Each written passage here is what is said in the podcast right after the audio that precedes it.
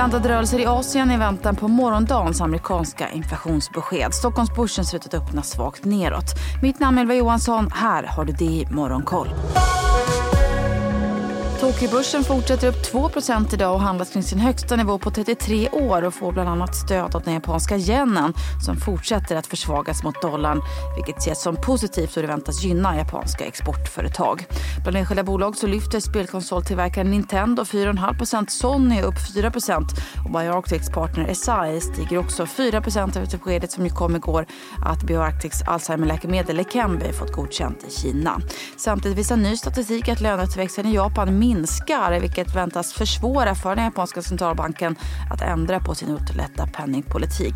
När vi ändå är inne på inflation så kan vi också nämna den australiensiska inflationen som fortsatt att bromsa in i november och landade på 4,3 procent vilket är den lägsta nivån på två år vilket förstärker bilden att man inte kommer behöva höja räntan ytterligare. Sydneybörsen backar en halv procent. Hongkongbörsen backar närmare 1 procent idag. Det är däremot mindre rörelser i Fastlandskina där både Shanghai och sen börsen backar svagt. Och så har priset på bitcoin fallit tillbaka och handlas nu kring 46 000 dollar efter att ha rusat igår efter en falsk uppdatering på X, tidigare Twitter, om att amerikanska finansinspektionen godkänt en krypto-ETF. Enligt SEC så har man ännu inte tagit något beslut och säger att kontot blivit hackat. Oljepriset fortsätter upp en halv procent idag efter att det lyft över 2 procent igår till följd av lägre rålager i USA. Brentoljan kostar 78 dollar fatet. Samtidigt så fortsätter läget att förvärras i Röda havet efter att de Iranstödda jemenitiska huthirebellerna genomfört en omfattande attack mot civila sjöfartsleder i Röda havet under kvällen igår.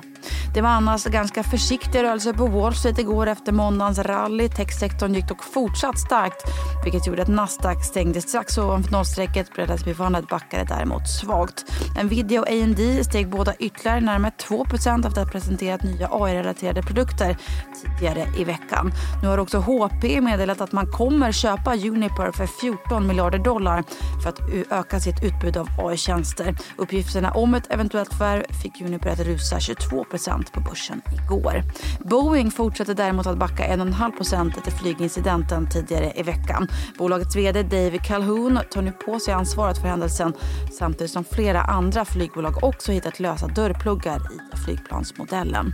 Och Unity Software som gör spelmodulen Unity steg initialt men stängde till slut hela 8% ner efter beskedet att man återigen gör nedskärningar i sin personal. Enligt uppgifter till Bloomberg så kommer nu även Amazon-ägda streamingplattformen Twitch säga upp 35% av sin personal. Så till Sverige, där efter börsstängning igår byggjätten Skanska meddelade att man gör nedskrivningar på 2 miljarder kronor till följd av förändringar i fastighetsvärden inom områdena kommersiell fastighetsutveckling, bostadsutveckling och förvaltningsfastigheter. Bolaget meddelade samtidigt att nedskrivningarna kommer att påverka resultatet i det fjärde kvartalet. Vi kan väl också nämna IT-konsulten Sweco som gjort ett litet förvärv och köper nederländska miljökonsulten Consultancy med en omsättning på cirka 15 miljoner euro 2022. gå. Idag så är det också dags för Viaplays extra stämma där bolagets fjärde och sjätte största ägare NP Fonder och Swedbank Robur meddelat att man kommer att ställa sig bakom rekapitaliseringsplanen. Dessutom så är det idag dags för kursprättare Dustins rapport. IT-grossisten följer tungt på sin förra rapport där skulderna fortsatte att stiga. Både resultat och omsättning sjönk. Samtidigt så kantades ju bolagets nyemission på 1,8 miljarder kronor av ägarbråk. Hör intervju med vdn i Börsmorgon klockan 8. 8.45. Mitt namn är Ylva Johansson. Du har lyssnat på DI Morgonkoll.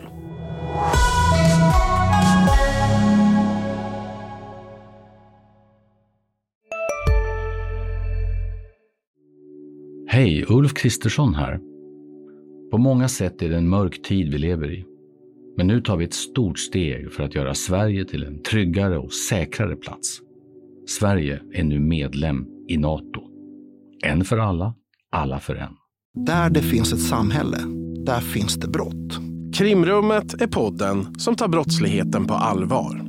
Jag bjuder in landets ledande experter och tar upp aktuella rättegångsfall för att begripliggöra den kriminalitet som kryper allt närmare. Du, alltså, du kan knäcka ett eller några gäng, men det kommer komma nya och så kan vi knäcka dem sen. Men att du ska knäcka allt forever, det kommer aldrig ske. Det är infinite gain. Lyssna på Krimrummet, en podd från Expressen med mig Kim Malmgren.